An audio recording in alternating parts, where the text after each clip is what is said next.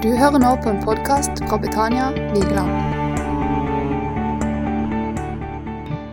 Tittelen på dagens preken, det er En ny fødsel. En ny fødsel.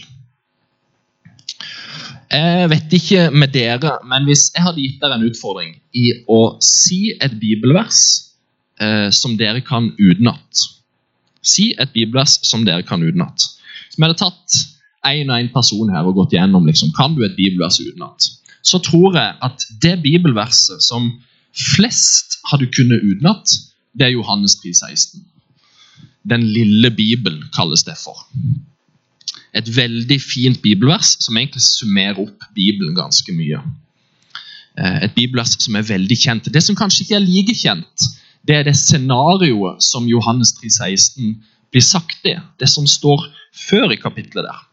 Og Det tenkte jeg at vi skal bruke som bibelteksten nå. Så jeg går til Johannes kapittel 3 og vers 1. Så går vi inn i det scenarioet hvor Johannes 3,16 ble, ble, gitt, da, som kanskje ikke er like kjent som Johannes 3,16. Der står det Det var en mann blant fariseerne som het Nikodemus. Han var en av jødenes rådsherrer. Denne mannen kom til Jesus om natten og sa til ham Rabbi, vi vet at du er en lærer kommet fra Gud, for ingen kan gjøre disse tegnene som du gjør, uten at Gud er med ham.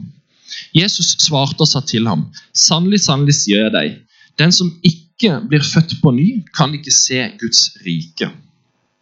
Nikodemus sier til ham, hvordan kan en mann bli født når han er gammel? Kan han for andre gang komme inn i sin mors liv og bli født? Jesus svarte, sannelig, sannelig sier jeg deg, den som blir, ikke blir født av vann og ånd, kan ikke komme inn i Guds rike. Det som er født av menneske, er menneske, og det som er født av ånden, er ånd. Undre deg ikke over at jeg sa til deg, dere må bli født på ny. Vinden blåser dit den vil, og du hører lyden av den, men du vet ikke hvor den kommer fra, og hvor den går hen. Slik er hver den som er født av ånden. Nikodemus svarte og sa til ham, 'Hvordan kan dette skje?' Det var vers 9. Vi tar en kjapp bønn, og så hopper vi inn i bibelteksten her. Jesus, vi ber om at du skal åpne våre øyne for denne teksten og det du ønsker å si til oss i dag. Takk at du lever i dag, du fins her sammen med oss. Uansett hvordan vi har det i livene våre, uansett hvordan eh, stillinga vår er overfor det, så ønsker du å tale til oss, og du ønsker å vise oss hvem du er, Jesus. Ber om at du skal åpenbare deg sjøl for oss og eh, gjøre ting klarere for oss i Bibelen. I Jesu navn. Amen. Nikodemus møter vi på her. Han var en fariseer, står det. Fariseerne var ei gruppe mennesker som var i opposisjon til Jesus. De var liksom en religiøs elite i Israel. Og eh, Fariseergruppa den finner du faktisk ingenting skrevet om i Gamle testamentet. For det fantes ikke fariseer i Gamle testamentet. Kom, den gruppa kom til mellom Gamle testamentet og Nytestamentet. Så I Gamle testamentet kan du ikke lese om fariseere, men når du kommer inn i Nytestamentet, så fins det. For de kom til i tida mellom der. I fangenskapen. Og Denne gruppa da, med fariseere de var ofte i konflikt med Jesus. De kunne krangle ganske hardt med Jesus. De kunne gå helt for seg. Noen av de sterkeste liksom, uttrykkene Jesus bruker mot folk, det var mot fariseere. Han kunne ta ganske hardt i når han skulle snakke til dem. Og Det var ofte liksom høy konflikt, konfliktnivå mellom dem. Og Grunnen for det, eh, som man ser i Bibelen, da, det er fordi at fariseerne var egenrettferdige. De så på seg sjøl som feilfrie og litt bedre enn andre folk. Og Det konfronterte Jesus veldig, da, for det var imot sånn som Jesus mente at det skulle være. Og Nikodemus var en av disse fariseerne i Israel. Og det står i, i, vers 2 så står det at han kom til Jesus om natten. Og Det syns jeg er litt interessant. Han kom til Jesus om natten. Du vet, En tyv han går ut om natta.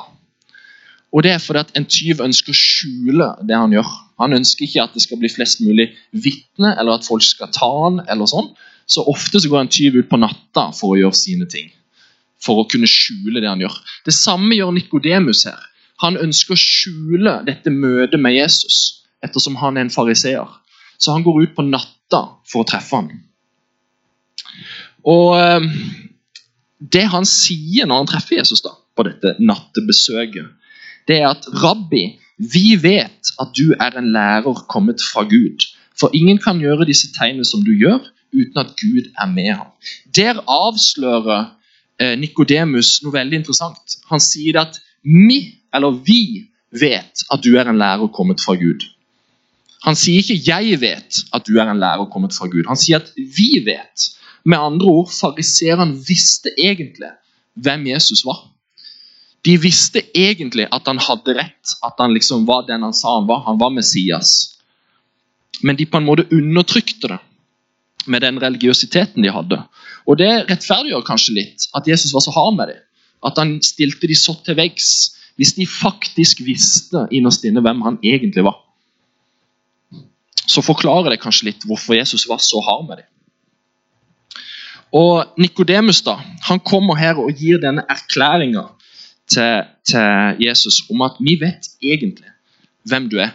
Og Jeg ser for meg at Nikodemus har sikkert stått der i fariseergjengen når de har truffet Jesus og hatt sine konflikter. Så har han stått sikkert der i fariseergjengen og, og, vært sammen med dem, men så har han kjent at ah, et sånt sting i magen at ah, vet du hva, det er egentlig han som har rett her.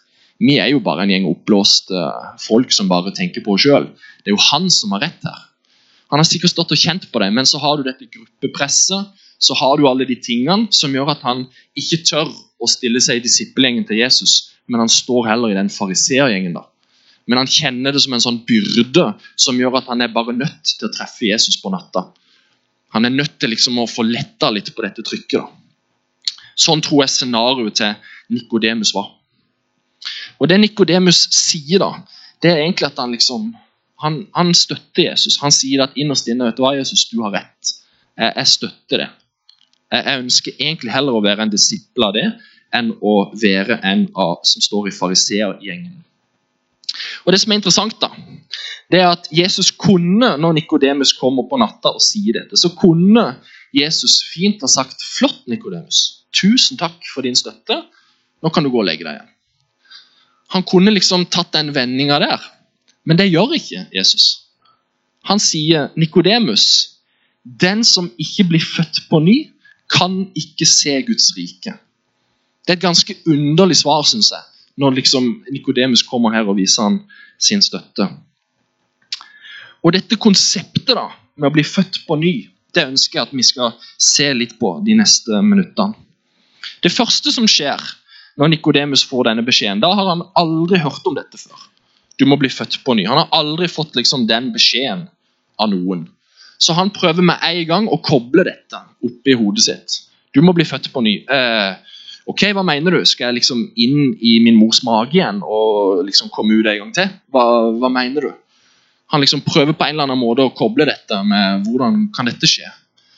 Og eh, det er jo en veldig morsom ting å si. Altså, det er en litt sånn underlig måte å tolke det på.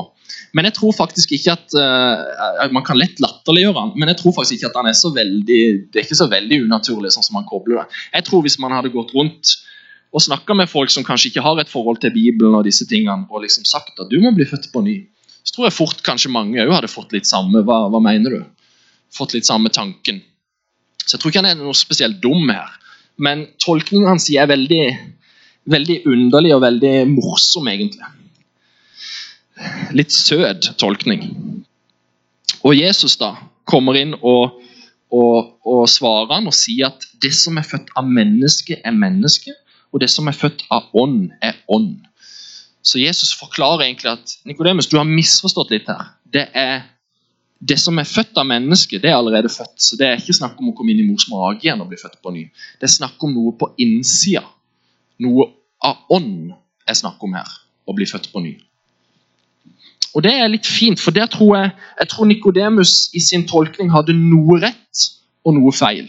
Jeg tror veldig ofte predikanter kanskje vektlegger veldig at han hadde så voldsomt feil her. Og det hadde han jo. Han misforsto dette. Men jeg tror Nikodemus hadde rett i liksom hvor sterkt denne fødselen her er snakk om. Hvor voldsomt det er. På samme måte som en fysisk fødsel er noe voldsomt, så er jo den, denne eh, nye fødselen i Kristus noe voldsomt. Så Jesus han bremser ikke Nikodemus. Han sier liksom ikke ding, ding, ding, nå, nå kaller jorda her, Nikodemus. Nå må du bare, nå tar du det jeg sa, og så blåser du det opp. liksom. Jesus tar liksom ikke den vrien. Han bare forklarer at det som er født av menneske, er født av menneske. Og det har du helt rett i at det er det. Er det. Og det som er født av ånd, er født av ånd. Så han liksom bare kanaliserer tolkninga hans litt. Han, han, liksom reduserer den ikke. Og det syns jeg er interessant. Der hadde Nikodemus forstått noe. Jeg tror Når, når Nikodemus sier dette, så tror jeg Jesus fikk et lite smil om munnen. På liksom hvor bokstavelig han tok dette. Hvor liksom dramatisk han så på det. Der tror jeg han hadde rett. Dette er noe dramatisk, det er noe voldsomt. Men det er snakk om på innsida og ikke på utsida.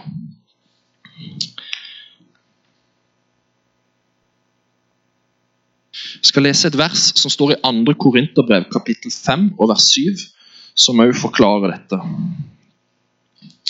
Der står det, det er Paulus som sier Derfor, om noen er i Kristus, er han en ny skapning. Det gamle er forbi. Se, alt er blitt nytt. Eller se, det nye har kommet, som det står i andre oversettelser. Å bli en ny skapning eller å bli født på nytt det er jo bare to uttrykk som egentlig forklarer det samme. To sider av samme mynt. Å bli født på nytt, og da blir du òg en ny skapning. Og Paulus sier her 'se, alt har blitt nytt', eller 'se, det nye har kommet'. Det betyr at det er noe merkbart, dette med den nye fødselen. Det er noe liksom substansielt. Det er noe konkret. Det er noe faktisk. Det er ikke liksom noe symbolske greier. Det er ikke liksom bare en, eh, en tanke. Det er noe konkret. Noe ekte, noe håndfast. Se, alt har blitt nytt, sier Paulus. Og der hadde virkelig Nikodemus forstått noe. Hvor enormt konkret dette her faktisk er. Det er virkelig. Men han hadde misforstått hvor det skulle skje. Et eksempel av Bibelen som taler om dette fra Gamle testamentet, det er Esekel 36.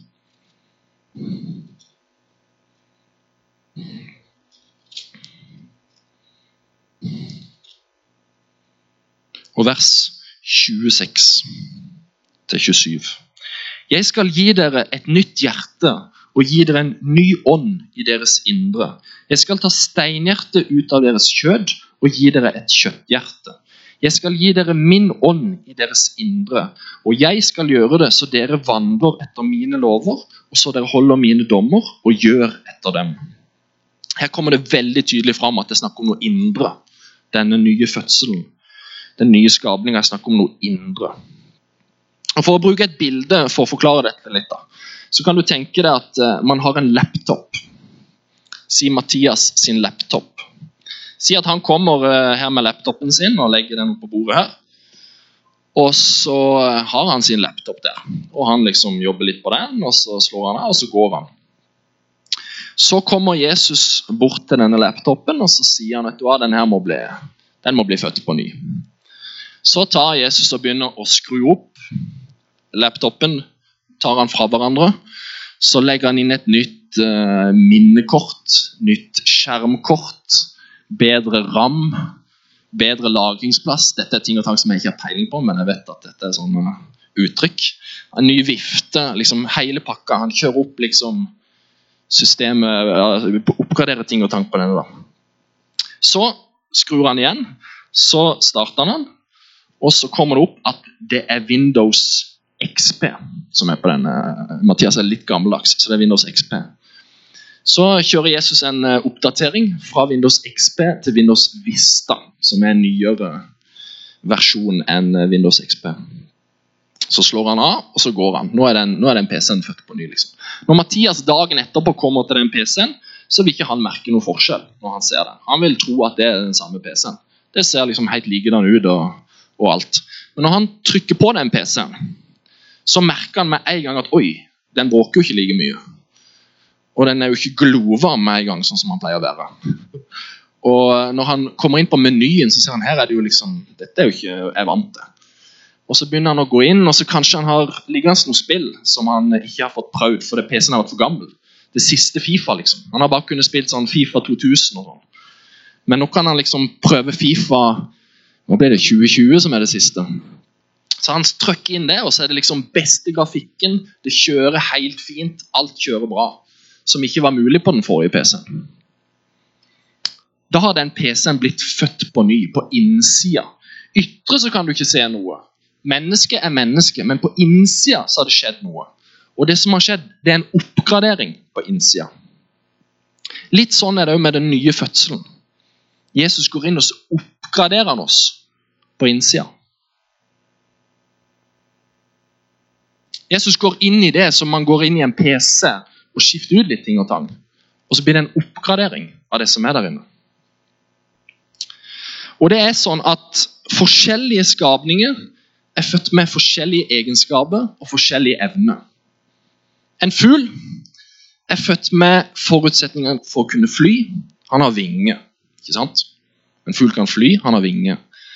En fisk er født med forutsetningene for å kunne leve og, og bo og svømme under vann. Han har gjelle osv. Kan, eh, kan leve under vann uten å drukne. Forskjellige eh, skapninger har forskjellige evner og egenskaper. En hund, eksempel, Jeg gjorde litt research på dette. Jeg vet ikke om dere er klar over, men En hund kan høre ganske bra. En hund kan høre veldig godt.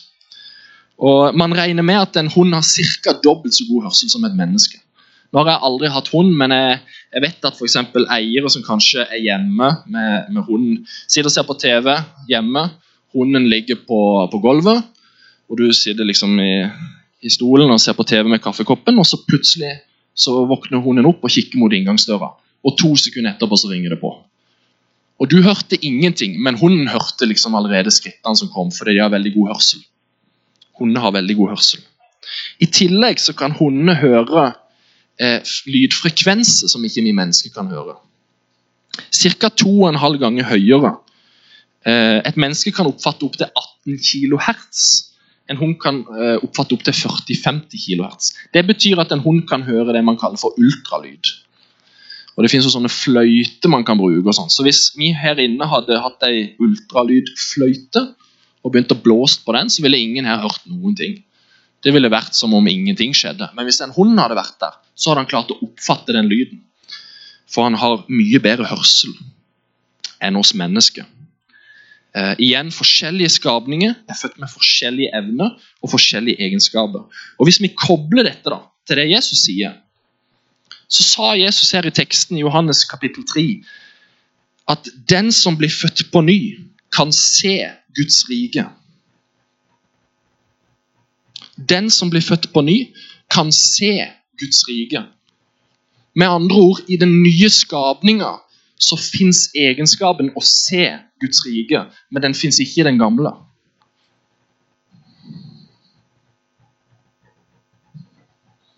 Når du blir en ny skapning i Kristus, så kan du se Guds rike. Men det kunne du ikke når du var en gammel skapning. For å vri litt på det Jesus sier, da, bare for å si det samme bare på en litt annen måte, så kan du si det sånn som dette.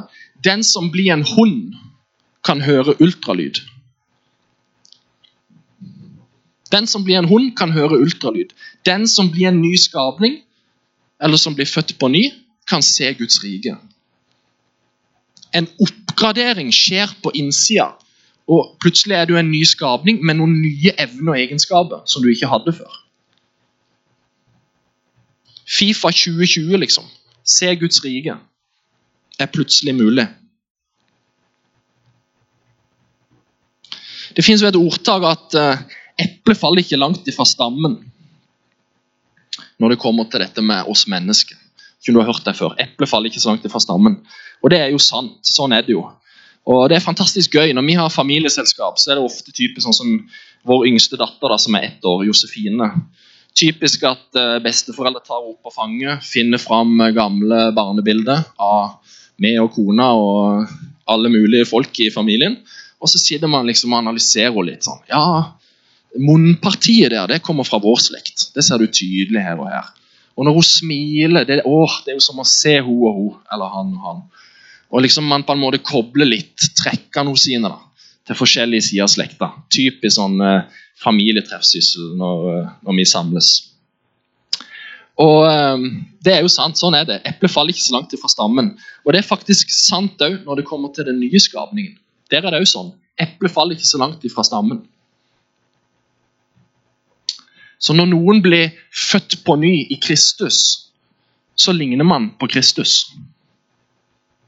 Den nye skapninga som kommer til, ligner på Kristus. Man blir som foreldrene sine. Man ligner på foreldrene sine. Og Det var litt det som sto her i Esekiel 36. Gud sa det at 'jeg skal legge min lov i deres indre og gjøre det så dere vandrer etter mine lover, og så dere holder mine dommer og gjør etter dem'. Man ligner litt på Gud. Man gjør litt mer sånn som Jesus gjorde. Fordi man er en skapning som ikke faller så langt ifra stammen. Nå er det jo sånn at uh, du er fortsatt du når du blir født på ny. Du blir ikke på en måte et, annet, et, et annet menneske. Du er fortsatt den samme det, men du er en ny det. Du er en ny skapning i Kristus. Du er et nytt samme menneske, vil jeg på en måte ordlegge det. Du blir ikke et nytt annet menneske, men du blir et nytt samme menneske. Og det er jo sånn at det fins en seighet i hvem du er som person. En kontinuitet i det. Det er ikke sånn at når du går og legger deg i kveld, så lurer du på hvem jeg er når jeg våkner opp i morgen. Liker jeg fortsatt taco? Liker jeg fortsatt eh, jakt? Liker jeg fortsatt, Misliker jeg fortsatt eh, det og det? det er liksom, Du lurer ikke på det når du går og legger deg. Du vet at det finnes en kontinuitet i hvem du er. Selvfølgelig, Hvis du tar et menneskeliv fra vugge til grav, så kan man selvfølgelig forandre seg mye i løpet av livet. Over lang tid så kan man forandre interesse. Man kan um, forandre, forandre, seg en del i hva man mener, hva man tenker osv. Det går an å forandre seg i løpet av lang, et langt liv, men det skjer liksom ikke så dramatiske endringer i hvem du er. Du er liksom ganske fast. Det fins en seighet i hvem du er.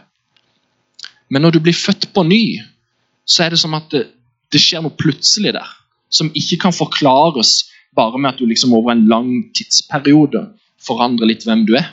På et øyeblikk så blir du en ny skapning. Det blir en diskontinuitet i hvem du er, helt plutselig. Du våkner opp som en ny person. Du har blitt en ny skapning. Og der er det utrolig viktig å forstå at det å bli kristen er mye mer enn bare å liksom få en ny tro, eller få litt nye perspektiver på ting, eller ja, sånne på en måte litt små justeringer på ting. Å bli kristen er noe dramatisk. Det å bli en ny skapning. Det er noe voldsomt. Det, det, går, det er mye mer enn bare å liksom tenke litt annerledes. Det går helt ned til hvem du er, hvilke valg du tar osv. Der nede skjer det noe med det. Og Paulus sa i 2. Korinterbrevet 5,7 La oss lese det en gang til. Fantastisk vers. Et av mine favorittvers i Bibelen.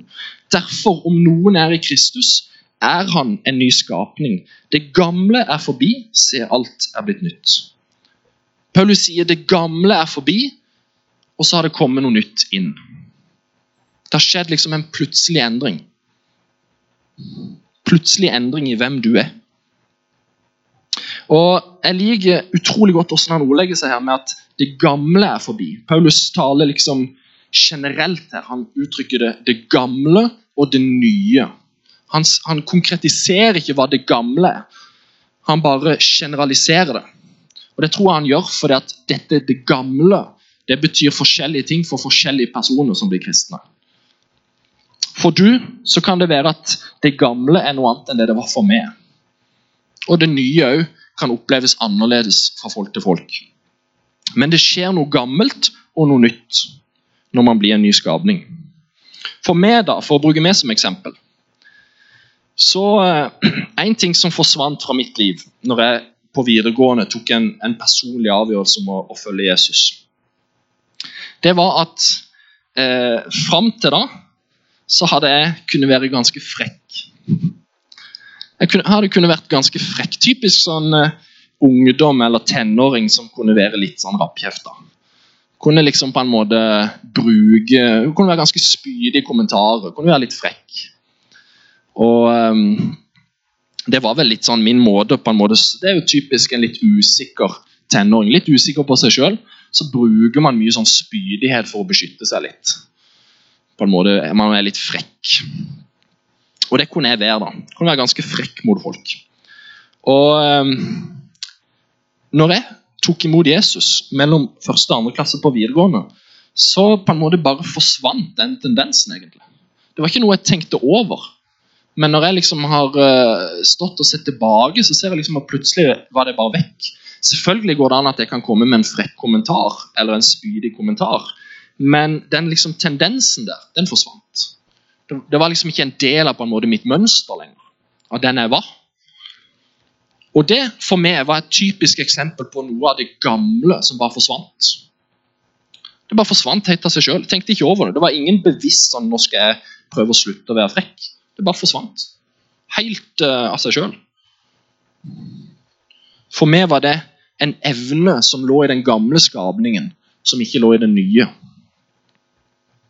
Og så sier jo Paulus her at det nye har kommet. Og for meg, en ting som poppa opp da når jeg tok avgjørelsen, som ikke jeg hadde kjent på, på tidligere, det var at plutselig hadde jeg lyst til å behage Gud. Jeg hadde lyst til å behage Gud med livet mitt. Jeg hadde lyst til liksom, å lese Bibelen og prøve å forstå litt hva det egentlig Jesus tenker om ting og tang. Hva er det han ønsker å bruke meg til? Eh, sånne type ting, sånne spørsmål begynte plutselig liksom å, å interessere meg. Hadde aldri ligget der som noe sånn veldig liksom, i, tidligere. Hadde aldri kjent noe sånn voldsomt på det. Plutselig så fant, uh, var det der bare. Så jeg begynte å lese Bibelen fordi jeg syntes det var, var, interessant. Jeg kjøpte inn masse markeringspenner og styr og stell og holdt på. For jeg syntes det var gøy. Jeg syntes det var interessant. Og Det var for meg noe av det nye som kom opp. Jeg kunne nevnt mange ting som, uh, som kom opp i livet. Men for å nevne én ting om den gamle og én ting om den nye. Og Du som sitter her, kan sikkert ha ha andre ting som for det tilhørte det gamle og, og det nye. Men jeg tror det fin, fins noen ting der. Hvis du ikke kommer på noe, så tror jeg du kan snakke med folk rundt deg som kanskje kjente deg før du ble tok den avgjørelsen om å følge Jesus. Som kan på en måte se litt ting som på en måte forandrer seg. For det er ofte kanskje ikke så lett å se sjøl. Men det skjer noe med folk. En oppgradering på innsida. En ny skapning. Og For å gå litt inn for landing nå i den preken her, skal jeg lese Galaterbrevet kapittel 6 og vers 15. For der står det For i Kristus Jesus betyr verken omskjærelse eller mangel på omskjærelse noen ting, men en ny skapning.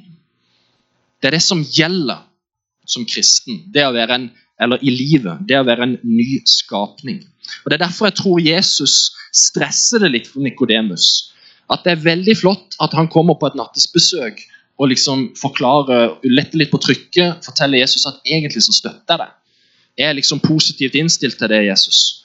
Det er veldig flott at han gjør det, men Jesus stresser det at du må bli født på ny. Det er liksom, det er det som gjelder. Du må ta imot meg. Og så spør Nikodemus da åssen kan det skje? Åssen går det an å bli født på ny? Og der kommer Johannes 3, 16 fram. Litt lenger ned i kapitlet. Dette velkjente verset som så mange kan utenat. Både kristne og ikke-kristne.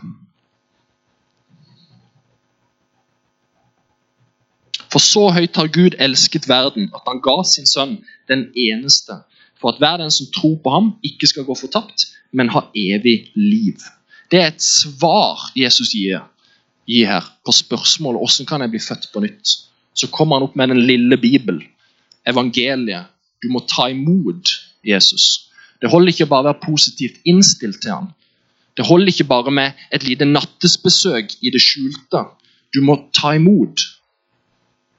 Du må ta imot Jesus for å bli født på nytt. Og når det skjer, så blir du en ny skapning på innsida. På innsida. Det er stress å prøve å være noe man ikke er. Det er stress å prøve å være kristen og på en måte ikke ha gitt seg over. Det er stress. Men å ta imot Jesus og la han for forvandle det, og på en måte komme til det sluttpunktet for deg sjøl hvor du gir deg over til han, det er det han ønsker. Det er det han ønsker. Du skal ta imot han, og da gjør han noe i det som er voldsomt og som er dramatisk på samme måte som en fysisk fødsel er voldsom og dramatisk. Vi kan avslutte med, med en bønn her. Jesus, takk for at du ønsker at vi skal bli nye skapninger. Takk at du kan oppgradere mennesket. Uansett hvem man er, uansett hva man har gjort i livet, så ønsker du å hjelpe oss til å, å, å komme til det, Jesus. Jeg ber om at du skal her og nå, Jesus, røre med hjertene våre. Vise oss at hvis vi kommer til det, så kan du gjøre noe på innsida som oppgraderer oss, som ingenting annet kan gjøre. Ingen anstrengelse, ingen eh, forsøk på å bli en bedre person kan, kan eh, erstatte. Kun du, Jesus, kan forandre oss virkelig ned til hvem vi er. Skape en diskontinuitet i hvem vi er, og gjøre oss til nye skapninger. Jeg ber om at vi som sitter her og er nye skapninger, at du skal vekke til, til liv takknemligheten vekke til liv eh, øynene våre og se hvor dramatisk stort det du har gjort i oss er. Det er veldig lett for oss Jesus, å glemme hvem vi var før vi ordentlig tok en avgjørelse om å følge det. Men takk at du har lagt ned det gamle for oss og gjort noe nytt i livet vårt. I Jesu navn. Amen.